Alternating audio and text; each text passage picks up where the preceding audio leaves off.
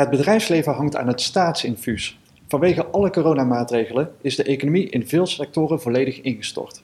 Omdat de overheid niet wil dat er opeens duizenden bedrijven failliet gaan en al die werknemers in de WW belanden, krijgen bedrijven tijdelijk een vergoeding voor gemaakte loonkosten via de NOW-regeling. Die regeling is in zeer korte tijd opgetuigd door de regering. Ondernemers krijgen een tegemoetkoming op basis van omzetverlies. Hoe zit de regeling precies in elkaar? En, misschien nog belangrijker, hoe kun je er je voordeel mee doen als onderneming? Wat zijn de grijze gebieden? Daar gaan we het over hebben met Babette Leenders, specialist arbeidsrecht bij Blue Legal Advocaten. Babette, welkom. Dank je. Um, om mee te beginnen, kun je even kort uh, vertellen hoe zit de regeling eigenlijk in elkaar?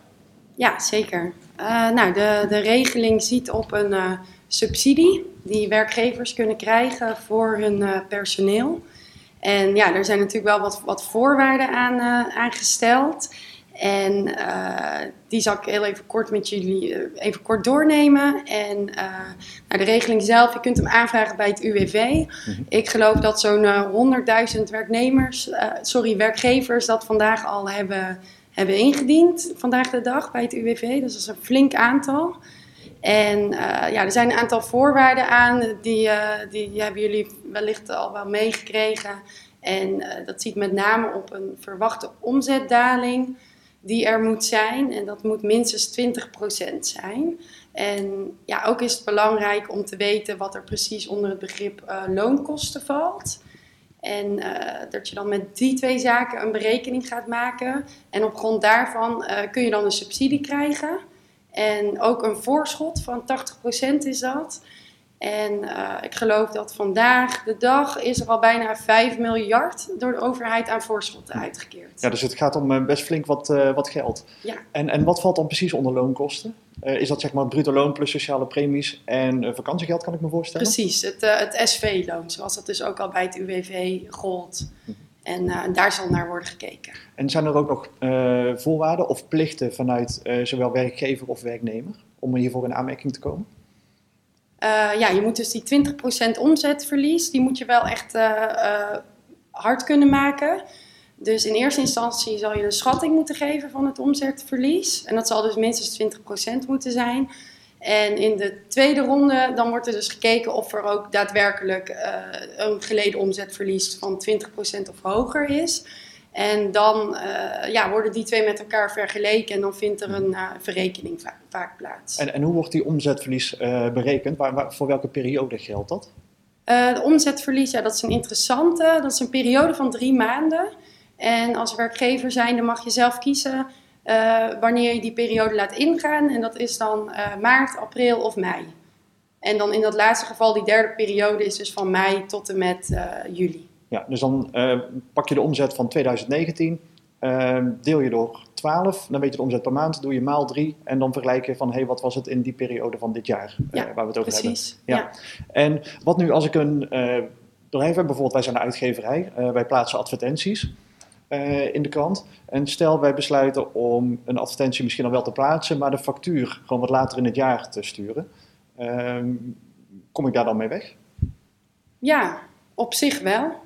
Uh, dat zou een oplossing kunnen, kunnen bieden. Om dat, om dat omzetverlies misschien iets, iets, lager, uh, sorry, iets hoger te houden. Dus de omzet wat lager juist. En uh, ja, dat zou je, dat zou je kunnen, kunnen doen. Maar ja, dat is natuurlijk wel. Moet je wel genoeg gesprek op de botten hebben om dan wel alle andere dingen te kunnen betalen. Maar het zou wellicht wel mogelijkheden kunnen bieden voor sommige ondernemingen. Ja, want hoe wordt bepaald in welke maand omzet geboekt wordt? Uh, volgens die NOW-regeling. Uh, kijk je dan bijvoorbeeld naar wanneer de activiteit heeft plaatsgevonden. Uh, dus bijvoorbeeld, we plaatsen nu een advertentie, dat is dan deze week. Of wordt er gekeken naar wanneer de factuur betaald wordt of verstuurd wordt? Ja, die tweede. Dus het gaat echt om de daadwerkelijke omzet, om, om de echte omzetcijfers. En mhm. daarin wordt eigenlijk aangesloten bij het, bij het jaarrekeningenrecht. Dus eigenlijk ook al hoe dat vroeger ging.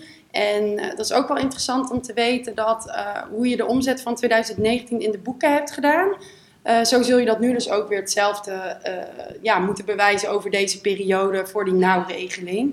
Dus dan moet je wel aansluiten op, bij dezelfde methode ah, okay. als dus destijds. Ja, dus als ik vorig jaar ervoor heb gekozen om de omzet afhankelijk te maken van wanneer de prestatie is geleverd, zal ik dat nu dit jaar ook moeten doen. En als ik er toen voor heb gekozen om de omzet afhankelijk te maken van wanneer de cash, uh, wanneer de facturen zijn verstuurd, zal ik dat dit jaar ook moeten doen. Ja, precies. ja. En, en daar is dan natuurlijk wel mee te spelen. Door bijvoorbeeld, stel, ik heb, ik heb het afhankelijk gemaakt van uh, prestatie. Door nu alleen maar acquisitie te doen. Uh, even de advocaat van de duivel. Dus dat betekent dat ik eigenlijk geen prestaties lever, maar alleen uh, opdrachten ga vinden voor bijvoorbeeld in oktober, november, december. Zodat ik nu eigenlijk geen omzet heb. En al mijn energie in het einde van het jaar stop om dan zoveel mogelijk omzet te genereren als misschien de, de regeling alles afgelopen. Ja, dat zou, je zou het kunnen proberen. En kom ik ermee weg? Ja, kijk, dat, daar, kan ik jullie niet, ja, daar kan ik niet vertellen. Want het is uiteindelijk aan het UWV. Maar uh, nou ja, het beste is natuurlijk om gewoon op dezelfde manier aan te sluiten als vorig jaar. Dan kan je daar niet echt heel veel in misdoen. En alles wat je anders doet, ja, kijk, het zou er wel voor kunnen zorgen uh, ja, dat een aanvraag wordt afgewezen. Dus het is wel oppassen uh, geblazen. Alleen dat is uiteindelijk aan het UWV. Ja, dus het is belangrijk dat ik kan verdedigen waarom ik iets heb gedaan. Precies, ja. En het kan wel dus zijn dat, dat, uh, dat daar dan wel naar wordt gevraagd. Mm -hmm. ja. ja. En um, wat nu als ik verschillende BV, BV's uh, bezit um, en ik vraag bijvoorbeeld, ik, uh, ik, ik, heb een werkmaatschappij, daar zitten al mijn loonkosten in en opeens besluit ik om al mijn facturen vanuit de holding BV te versturen. Ja. Um, is dat toegestaan voor binnen de regeling? Ja, zeker toegestaan. Alleen het, het zal niet heel veel nut hebben. Uh, want het is namelijk zo dat er uh, bij toepassing van de regeling wordt echt gekeken naar concernniveau. En ja, juist dus om dat soort dingen tegen te gaan, is de regeling expres zo opgemaakt dat je moet kijken naar het omzetverlies binnen het gehele concern. Hm. En als, dus, ik, en als ik dan ook nog bijvoorbeeld buitenlandse rechtspersonen heb binnen dat concern, ja. maakt dat nog verschil? Um, ja en nee. Die kunnen op zich meetellen, ook in dat omzetverlies. Dus dat je daar ook naar moet kijken.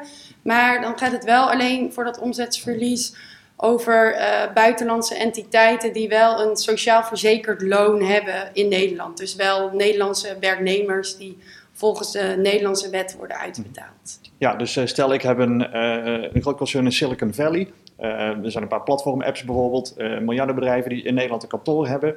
Eh, dan uh, geldt de regeling, de tegemoet komt in ieder geval voor de mensen die in Nederland werken en betaald worden volgens Nederlands recht. Alleen dan kan ik me voorstellen dat het omzetverlies uh, binnen Nederland wel moeilijker aan te tonen is. Of misschien juist makkelijker, dat ik meer vrijheid heb om daarmee te spelen. Uh, nou, voor het omzetverlies, als dat dus in Silicon Valley zit, zal daar dus niet naar gekeken worden omdat daar waarschijnlijk geen Nederlandse werknemers zijn die voor het Nederlandse loon eh, sociaal verzekerd zijn. Mhm. Dus uh, dat heeft de overheid ook wel expres willen doen. Uh, dat het wel gekoppeld moet zijn aan Nederland. Want het gaat om het werkbehoud van Nederland. En om dan naar ja, omzetpraktijken in het buitenland te gaan kijken, dat, ja, dat gaat te ver volgens de regeling. Mm -hmm.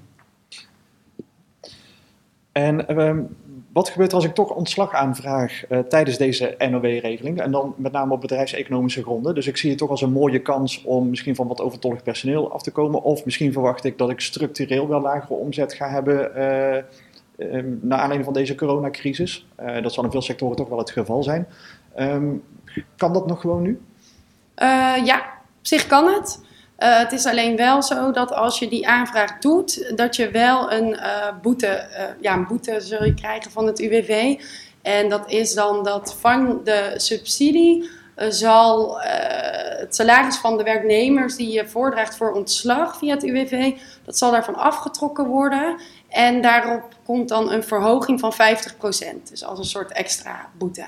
Ja, ja dus ik krijg gewoon minder NOW-subsidie, maar het is wel toegestaan. Dus ik kan van tevoren prima uitrekenen wat het me kost en oplevert. Precies, maar het kan dus misschien wel lonen om daar juist nu nog even mee te wachten, omdat maart, april zijn al voorbij bijna. En uh, ja, dan zou je mei nog even moeten uitzitten op die manier. Maar dan kun je nog wel die werknemers gewoon voor de uh, volle 100% meenemen in die uh, subsidie. Ja. En, en wat als ik mensen ontsla via een vaststellingsovereenkomst? Uh, ja, dat kan in principe nog gewoon, ja, dat mag. En dus ook om die bedrijfseconomische redenen.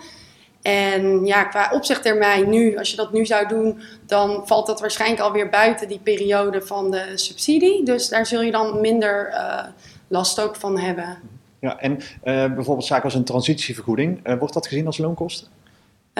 nee, dat is expliciet uitgesloten in de regeling. Want ja, dat heeft de overheid niet willen dekken. Dat zijn toch meer extra's. Ja, en, en wat nu als ik uh, denk, oké, fijn dat de overheid meebetaalt 90% van de loonkosten. Ik maak van de gelegenheid gebruik om mijn personeel een cadeautje te geven. Dus iedereen krijgt gewoon drie maanden lang uh, 100% loonsverhoging. Uh, zolang ze nog binnen de maximum blijven van de NOW-regeling.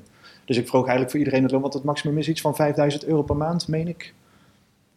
nee, het ligt wel een stuk hoger. Ongeveer op het dubbele van dat. Mm -hmm. Ja. 10.000 euro per maand. Maximum dagloon, ja. ja. En wat nu als ik besluit als ondernemer om iedereen gewoon 10.000 euro per maand te betalen de komende maanden, wetende dat ik toch 90% van de overheid uh, terugkrijg? Werkt ja. dat zo? Nee, helaas niet. Daarmee zul je jezelf in de, in de vingers snijden. Uh, want voor die loonkosten geldt, uh, ja, we hebben dus die twee fases.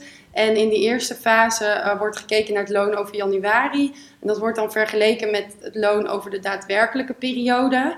Maar daar hebben ze wel ja, hierop op vooruit gezien. En ze hebben besloten dat uh, hogere loonkosten niet leiden tot een hogere subsidie. Nee, dus, dus, dat zal heel weinig zin hebben. Ja, dus ik had eigenlijk in januari al de loonsverhoging moeten Precies. geven. Precies. Ja. Alleen toen wisten we nog nergens iets van af. Dus.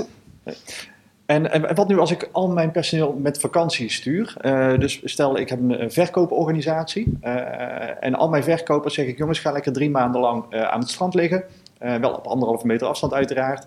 Um, dus mijn omzet valt dan echt volledig weg. Maar dan weet ik wel, de rest van het jaar is iedereen gewoon 100% inzetbaar. Want alle vakantiedagen zijn, zijn opgenomen. Ja. Uh, kan dat binnen de regeling? Zou wel kunnen. Het zou misschien wel een oplossing uh, kunnen zijn. Ja, die lonen zullen dan natuurlijk wel gewoon doorbetaald moeten worden.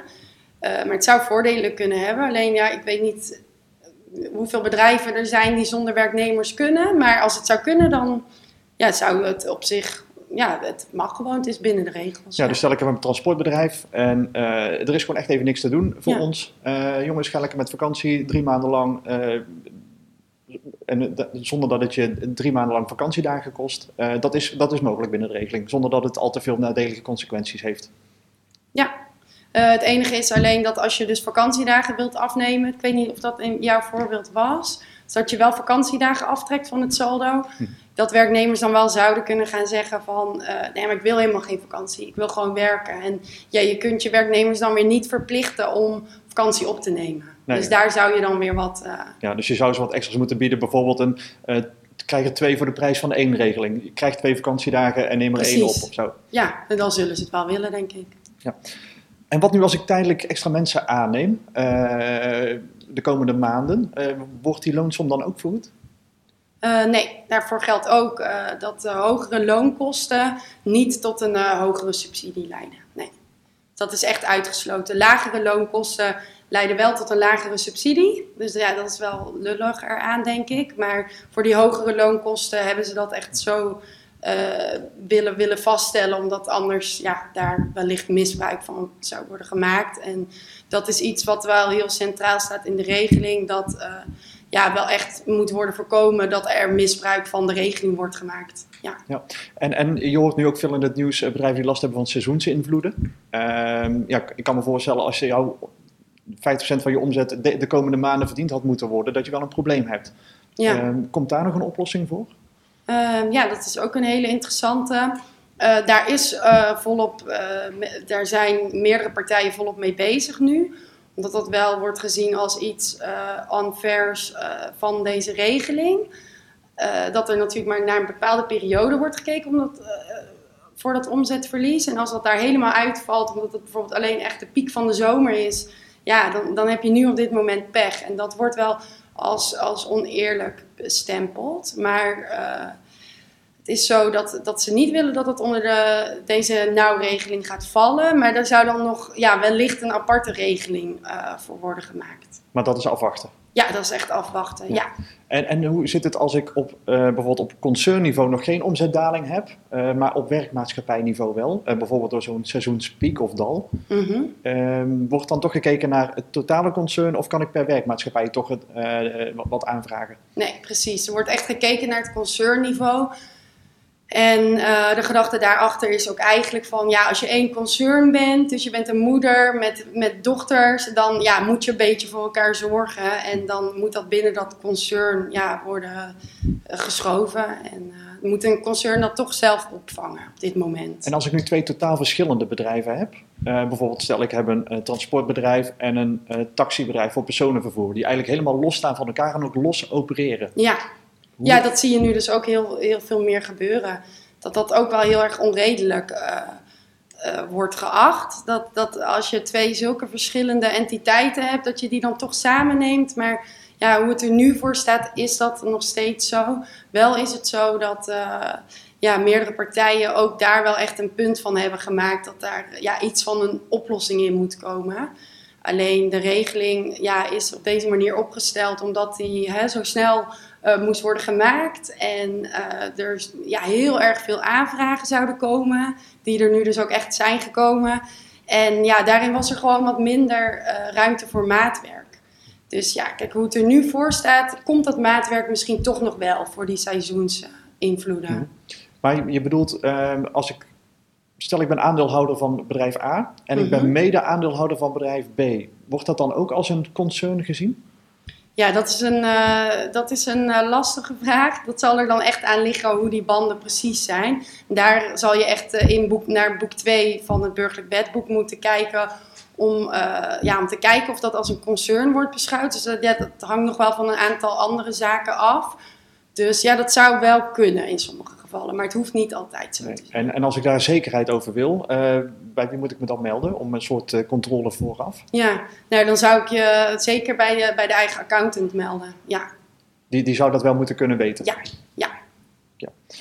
En hoe zit het met het eventueel opschorten van vakantiegeld? Uh, je hoort nu dat veel bedrijven besluiten om dat uit te stellen. Mm -hmm. is, is dat toegestaan? Nee, dat is op dit moment nog, nog niet toegestaan. Um, ja, wat ook wel schrijnend is, denk ik. Omdat uh, ja, daar worden wel heel erg veel problemen in voorzien. In wat er nu in mei, hè, dat is de maand dat de meeste mensen hun vakantiegeld krijgen, om wat er in mei gaat gebeuren.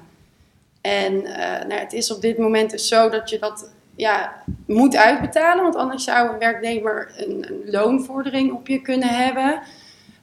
Maar er zijn wel bedrijven die met de vakbond, werkgeversvereniging, de OR, en de werknemers zelf eigenlijk ook nog uh, ja, toch afspraken maken om dat wellicht toch uit te gaan stellen. Omdat, uh, ja, anders zou het zo kunnen zijn dat er toch een hoop bedrijven failliet gaan. Dus uh, ja, dat moet toch wel echt worden voorkomen. Maar ook, ja, ook dit is echt een punt, daar is de overheid op dit moment druk mee bezig om daar toch ja, wellicht iets voor te gaan bedenken. En daar mogelijkheden in te gaan geven om, ja, om dat toch uit te mogen stellen. Mhm. Al is het met een maand of ja. Ja, of een betalingsregeling of, of wat Precies, dan ook. Precies, ja.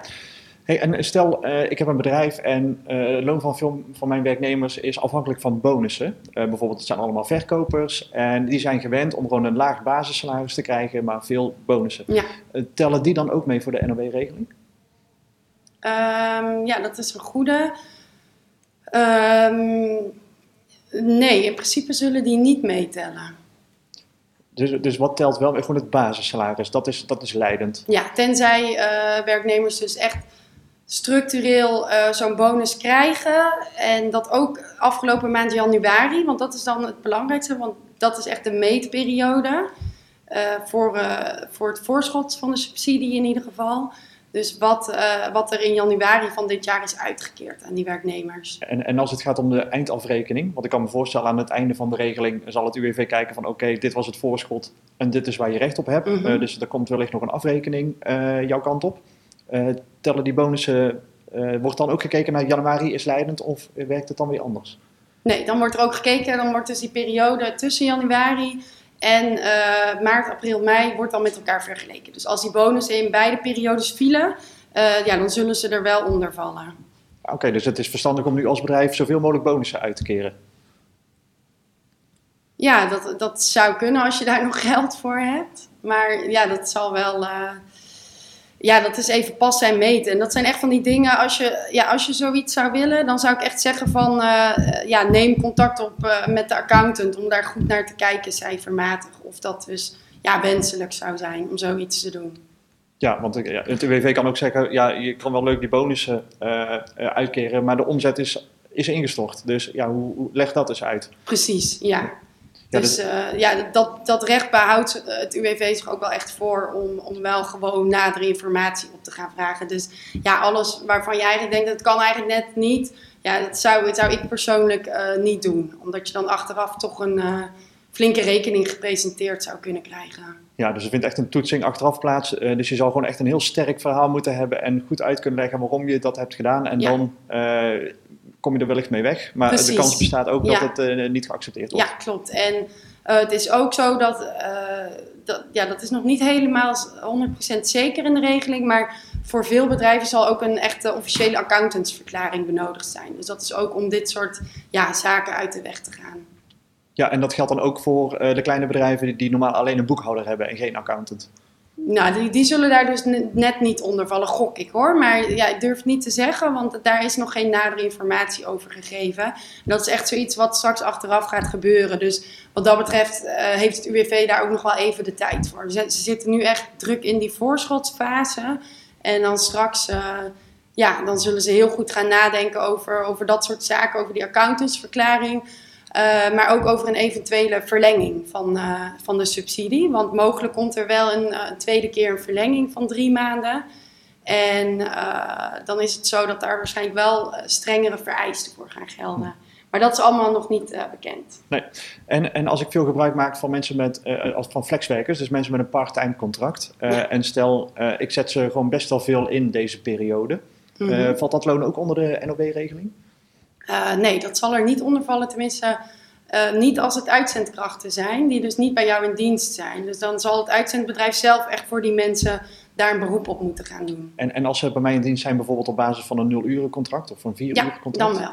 Ja. En voor de uren die ik ze daadwerkelijk inzet of alleen voor de contracturen? Uh, ja, dat is een interessante, uh, want je hebt natuurlijk contracten uh, waarin geen arbeidsomvang is vastgelegd. Maar uh, ja, het gaat er dus om welke uren ze je echt hebt uitbetaald. Dus je hoeft ze niet eens echt op te roepen, maar als je ze dus maar uitbetaalt. En dat is ook wel het punt waar het nu dus misgaat. Want ja, er zijn bepaalde oproepcontracten um, waar dat recht op die uitbetaling ook nog niet bestaat. En die mensen die vallen nu wel vaak tussen, tussen wal en schip. Dat, ja, dat ze toch gewoon naar huis worden gestuurd, niks uitbetaald krijgen. En ja, zelf een beroep moeten gaan doen op de, op de WW. Maar kun je het ook omdraaien, dat ik ze nu gewoon allemaal 40 uur oproep en 40 uur laat werken? Ja. Krijg ik dan ook een subsidie voor 40 uur en dus 90% van die 40 uur van de loonkosten? Uh, nee, nee, want daar wordt dus weer gekeken naar die twee periodes en uh, daar wordt die vergelijking tussen gemaakt. Dus dan wordt er wel ook gekeken naar uh, hoeveel ze in januari van dit jaar hebben gewerkt. Ja, hey, en um, als ik nou ehm, een van de weinige ondernemers ben die het nog niet heeft aangevraagd. Uh, kan ik dat gewoon op de website doen van het UWV? Of uh, wat is handig ja. om zo'n aanvraag te doen? Ja. ja, dat wijst op zich uh, voor zich. Uh, dat is een online formulier wat je dan moet invullen. Ik zou wel adviseren om dat van tevoren heel erg goed voor te bereiden. wat je precies wil gaan invullen. En er zijn ook wel wat handige tools die je kunnen helpen. Bijvoorbeeld met, die, met dat omzetverlies. Om dat te berekenen, wat die verwachting daarvan is. En uh, er zijn ook zelfs tools die al inzicht geven in uh, ja, wat de hoogte van de subsidie uh, waarschijnlijk gaat worden. En dan heb ik het over het voorschot in dit stadium. Ja, en, en als ik nu veel gebruik maak van ZZP'ers, krijg ik daar ook nog een soort van vergoeding voor? nee, nee, dat is echt een aparte regeling. En ZZP'ers hebben ook een aparte regeling waar ze beroep op kunnen doen. De tegemoetkoming voor zelfstandigen, dat is de TOZO-regeling. Uh, dus ja, die gaan over hun eigen financiën uiteindelijk. Dus die zul je daar niet in uh, mee kunnen nemen. Ja, dus als mijn uh, business gebaseerd is op veel inzet van de ZZP'ers, dan heb ik nu dus wel een probleem. ja, tenzij je ze natuurlijk nog gewoon aan het werk kunt laten gaan. Maar ja, je ziet natuurlijk nu ook dat veel ZZP'ers wel als eerste samen met die, met die uitzendkrachten naar huis worden gestuurd. Ja, en um, stel ik ben een rederij en mijn hoofdkantoor is gevestigd in Rotterdam. Maar, en ik heb Nederlandse bemanningsleden, maar het schip is gevestigd in Panama. Uh, fiscale redenen uh, zorgen vaak dat schepen in andere landen zijn geregistreerd. Um, maakt dat nog iets uit of wordt er gewoon puur alleen gekeken naar waar zijn de werknemers geregistreerd en welke nationaliteit hebben zij? Ja, precies. Dus het gaat echt ook hier weer om dat uh, Nederlandse SV-loon waarnaar wordt gekeken. Dus als die werknemers naar Nederlands recht uh, in het Nederlands stelsel worden uitbetaald, ja, dan zullen ze daaronder vallen, ook al ja, zit het aan de andere kant van de wereld. Ja. En dan heb jij verder in de dagelijkse praktijk al situaties gezien uh, waarvan je aan je water voelt van oké, dit hier worden de grenzen al een beetje opgezocht of een beetje de grijze randjes opgezocht van deze regeling? Nee, eigenlijk valt dat denk ik wel heel erg mee. Ik denk toch ook wel dat mensen ook wel heel voorzichtig zijn, omdat uh, ja, ze, ze weten natuurlijk dat, uh, dat het om een voorschot gaat en dat er wel echt een uiteindelijke verrekening gaat komen. Dus als je het echt allemaal uh, ja, veel slechter zou voordoen dan dat het is, dan ja, kun je wel dus een flinke verrekening verwachten. Het is wel interessant dat het verwachte omzetverlies, het gemiddelde wat nu bekend is bij het UWV, dat is wel 75% Dus dat is wel echt best wel eh, aan de hoge kant. En heb je daar een verklaring voor? Of is het ook daadwerkelijk 75% van de bedrijven, uh, of 75% van de omzet bij de bedrijven die dit hebben aangevraagd? Ja, ja ik denk toch dat, dat, dat veel uh, bedrijven toch iets hoger uh, um, inzetten om, om niet ja, iets mis te lopen. Ook al zou je het achteraf ook verrekend krijgen. Maar ja, het is ook heel erg moeilijk. Want uiteindelijk, ja, iedere week verandert alles weer. En ja, ik denk dat veel mensen nu gewoon ja, het wel zwaar inzien. Dus dan maar hebben gekozen voor een uh, iets hoger omzetverlies. ja, dan krijg je een iets hogere voorschot. Maar goed, als ik het geld niet nodig heb, kan ik het straks eenvoudig terugbetalen. Precies. En dat is makkelijker dan wanneer ik mijn cash op is. Ja, dat is ook inderdaad wel, wel de gedachte. Ja. Ja. Zijn er verder nog dingen waarvan je zegt, voor dat is interessant en belangrijk om te weten over deze regeling? Um, ja, wat ik ook vaak wel hoor is de vraag, ja, die ligt ook wel voor de hand, van uh, ja, kan ik, uh, kan ik de lonen verlagen? En dat is eigenlijk ook een beetje zoiets als bij dat vakantiegeld.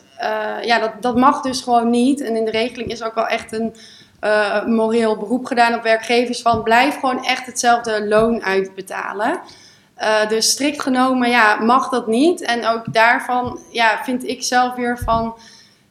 Ja, probeer... Kijk, als je het wilt, probeer het wel met, met werknemers in overleg te gaan. Om misschien toch te proberen of, ja, of je iets van een uitstel ook bij werknemers kunt, kunt krijgen. Om op die manier net wat meer reserves te houden. Maar het is dus wel oppassen geblazen, want officieel mag het niet.